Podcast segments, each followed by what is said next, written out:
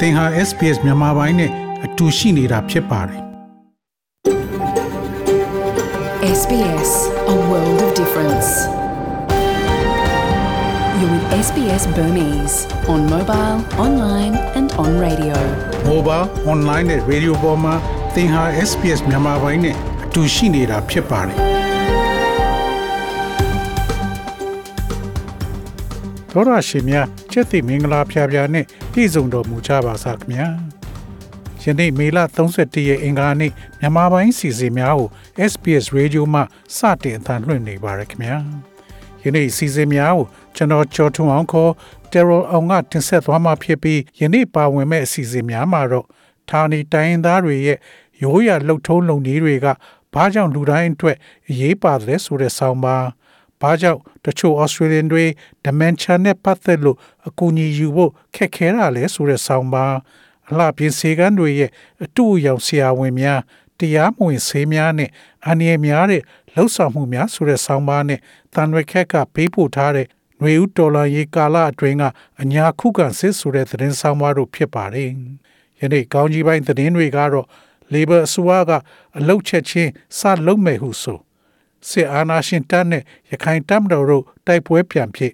American သနတ်ထိန်းချုပ်ရေးရခင်ကစန့်ကျင်သူများလိုလားလာဟုဆို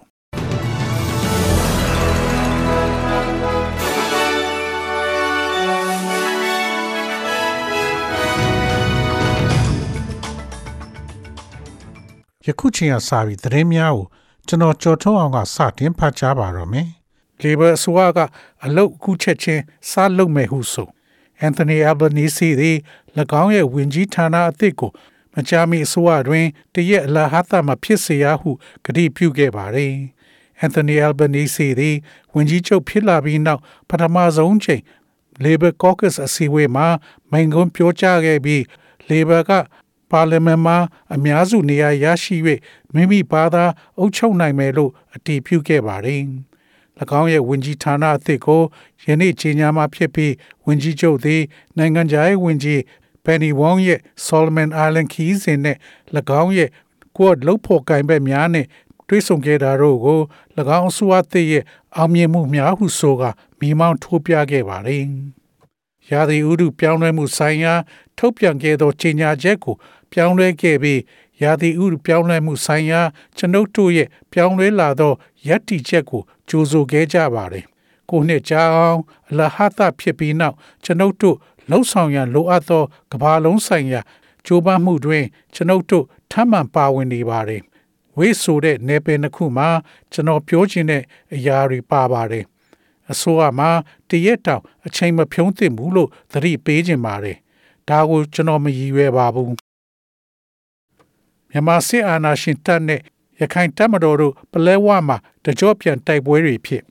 နှစ်နှစ်နီးပါးတိုက်ပွဲတွေရပ်နေတဲ့ချင်းပြည်နယ်ပလဲဝမြို့နယ်ထဲမှာမြန်မာစစ်အာဏာရှင်တပ်နဲ့ရခိုင်တပ်မတော် AA တို့ယခုရက်ပိုင်းတိုက်ပွဲတွေပြန်ရှိလာနေတယ်လို့ဒေသခံတွေကပြောဆိုပါတယ်။ဒါကြောင့်ဒေသခံတွေဟာတကြော့ပြန်တိုက်ပွဲတွေပြင်းထန်လာပြီးနေအိမ်ဆွန့်ခွာထွက်ပြေးကြရမယ့်အခြေအနေကိုစိုးရိမ်နေကြပါတယ်။ပြီးခဲ့တဲ့မေလ26ရက်နေ့က ပလဲဝမြို့နယ်6မိုင်ခွာမှာရှိတဲ့အပေါင်းသားရွာနဲ့ရုပ်ဝရွာကြားမှာဆီအာနာရှင်တပ်နဲ့ရခိုင်တပ်မတော်တို့တိုက်ပွဲဖြစ်ခဲ့တာကြောင့်တနတ်တန်နဲ့လက်နက်ကြီးတန်းတွေကိုကြားခဲ့ရတယ်လို့ဒေသခံတွေကပြောဆိုပါတယ်။ပလဝမြို့နယ်ဟာရခိုင်တပ်မတော် AA လှုပ်ရှားတဲ့ဒေသလည်းဖြစ်ပါတယ်။ပြီးခဲ့တဲ့2015ခုနှစ်ကစပြီး2019ခုနှစ်အထိအဲ့ဒီဒေသမှာ မြန်မာစစ်အာဏာရှင်တပ်နဲ့ AA တို့ကြားတိုက်ပွဲတွေပြင်းပြင်းထန်ထန်ဖြစ်ခဲ့ပါတယ်။တိုက်ပွဲတွေကြောင့်ဒေသခံ2000နီးပါးထွက်ပြေးခဲ့ရပါတယ်။ပလဲဝမှာတိုက်ပွဲတွေတကြော့ပြန်ဖြစ်လာပြီးနောက်မြန်မာစစ်အာဏာရှင်တပ်ဘက်ကရေလန်းခီးသွာလာခွင့်တွေကန့်သက်လိုက်တယ်လို့လည်းဒေသခံတွေကပြောပါတယ်။ရခိုင်တပ်မတော် AA နဲ့အမျိုးသားညီညွတ်ရေးအစိုးရ NUG တို့ထွေးဆုံဆွေးနွေးကြောင်းတရားဝင်ထုတ်ပြန်လာပြီးနောက် မြန်မာစစ်အာဏာရှင်နဲ့ AA တို့ကြားဆက်ဆံရေးအဆင်မပြေပဲတိုက်ပွဲတွေပြန်ဖြစ်လာတာဖြစ်ပါတယ်။တနတ်ထိန်ချုပ်ရေးရခင်စန့်ကျင်သူများပါလူလားကြဟုဆို American ပြည်ထောင်စုမှာလူအစုလိုက်တနတ်နဲ့ပြစ်သက်ခံရမှုပိုဆိုးဆိုးဝါးဝါကြုံလာနေရတာကြောင့်တနက်ရောင်းချမှုကန့်သက်တားမြစ်တာကိုစန့်ကျင်သူတွေတောင်ဒီအဖြစ်ဆိုးတွေဖြစ်မလာအောင်တားဆီးဖို့လက်တွေ့ကြကြ တွေးလာကြပြီလို့သမ္မတဂျိုးဘိုင်ဒန်ကတနင်္လာနေ့ကပြောကြားလိုက်ပါတယ်။ Texas မှာပြီးခဲ့တဲ့သတင်းပတ်ထဲကျောင်းသား16ယောက်နဲ့ဆီယာမ2ယောက်တနတ်နဲ့ပြစ်ခတ်ခံရပြီးသေဆုံးခဲ့ရတဲ့ Ubaldi ကမူလာရန်ကျောင်းလေးကိုတနင်္ဂနွေနေ့မှာသွားရောက်ခဲ့တဲ့သမ္မတဘိုင်ဒန်ကတနက်ကင်ဆောင်မှုထိန်းချုပ်ရေးဆိုင်ရာဥပဒေချမှတ်ရေးကွန်ဂရက်လွှတ်တော်ကိုထပ်မံဖိအားပေးနေတာဖြစ်ပါတယ်။တနက်ဝယ်ယူသူတွေအတွက် နောက်ခံရာဇဝင်စစ်ဆေးမှုကြေကြေပြန့်ပြန့်လုပ်ပြီးမှရောင်းချဖို့ဖြစ်ပါတယ်။တနက်ဝယ်ယူကင်ဆောင်မှုတင်းတင်းကြပ်ကြပ်လှုပ်ဆောင်ဖို့ဖိအားပေးနေတဲ့ Democratic Party ကအရေးပါတဲ့အထက်လွှတ်တော်အမတ်တွေကတော့အရင်တုန်းကဒီကိစ္စကို ပုံမှန်ညင်းပယ်လေးရှိတဲ့ Republican Party ကအမတ်တွေတောင်ဒီကိစ္စလွှတ်တော်မှာအတီးပြုနိုင်အောင်ဘလို့လှုံ့ဆော်မှုအသစ်မျိုးချမှတ်ဖို့လိုမယ်ဆိုတာကိုသေသေးချာချာ ဆွေးနွေးလာနေပြီဖြစ်တဲ့အတွက်အပြောင်းလဲဖြစ်လာနိုင်တယ်လို့ပြောကြားပါတယ်။ Labor ဆိုရခုံနီရအများစုရ၍အစိုးရဖွဲ့နိုင် Federal အစိုးရသစ်သည်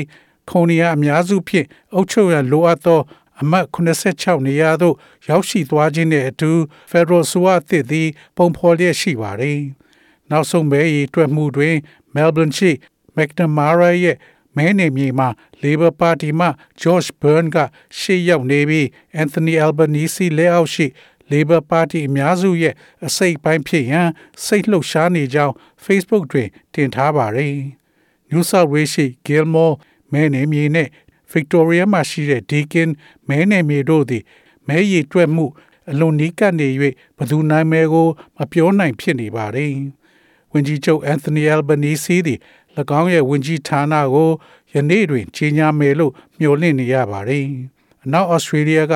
MP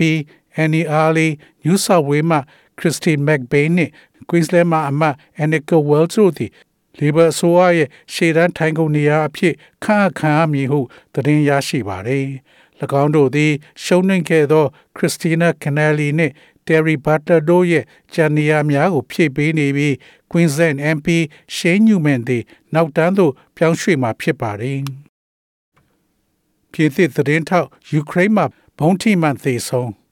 ရွှေပြောင်းပေးတဲ့သတင်းတွေရယူနေတဲ့အသက်32နှစ်အရွယ်ပြင်သစ်သတင်းထောက် Frederick Lerac Imhoff ဟာတနင်္လာနေ့ကလက်နက်ကြီးကြီးစထိမှန်ပြီးသေဆုံးခဲ့ရပါတယ်။ သတင်းထောက် Lerac Imhoff ဟာပြင်သစ်ရုပ်သံ BFM TV မှာတာဝန်ထမ်းဆောင်နေတာ6နှစ်ရှိပြီဖြစ်ပြီးယခုယူကရိန်းရှေ့ပိုင်း Donbas ဒေသကတိုက်ပွဲပြင်းထန်နေတဲ့ Severe Donetsk မြို့နားမှာသေဆုံးခဲ့တာဖြစ်ပါတယ်။ SBS SBS SBS SBS SBS This is SBS Radio. ငွေလဲနှုန်းမှာတော့ Australian dollar ကိုမြန်မာကျပ်ငွေ 1333ကျပ်ရရှိပြီး American dollar ကိုမြန်မာကျပ်ငွေ1854ကျပ်ရရှိပါတယ်။ Australian dollar ဟာ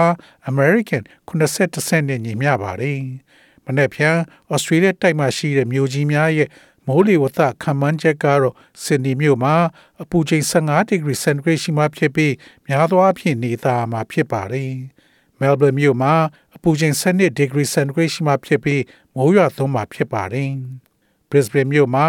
အပူချိန်16ဒီဂရီစင်တီဂရိတ်ရှိမှဖြစ်ပြီးလေတိုက်ခတ်ပြီးမိုးတိမ်သားများအနည်းငယ်ရှိမှဖြစ်ပါတယ်။ Perth မြို့မှာအပူချိန်16ဒီဂရီစင်တီဂရိတ်ရှိမှဖြစ်ပြီးမိုးတိမ်သားများအနည်းငယ်ရှိမှဖြစ်ပါတယ်။ Adelaide မြို့မှာအပူချိန်15ဒီဂရီစင်တီဂရိတ်ရှိမှဖြစ်ပြီးမိုးတိမ်သားများရှိမှဖြစ်ပါတယ်။ Hobart မြို့မှာအပူချိန်12ဒီဂရီစင်တီဂရိတ်ရှိမှဖြစ်ပြီးမိုးရွာသွန်းမှဖြစ်ပါတယ်။ Canberra မြို့မှာအပူချိန်8ဒီဂရီစင်တီဂရိတ်ရှိမှဖြစ်ပြီးမိုးရွာသွန်းနိုင်ပါတယ်။ Darwin မြို့မှာအပူချိန်32ဒီဂရီစင်တီဂရိတ်ရှိမှဖြစ်ပြီးမိုးတိမ်သားများအနည်းငယ်ရှိမှဖြစ်ပါတယ်။ဤတွင်သတင်းများကိုကြီးညာလို့ပြီးပါပြီခင်ဗျာ။။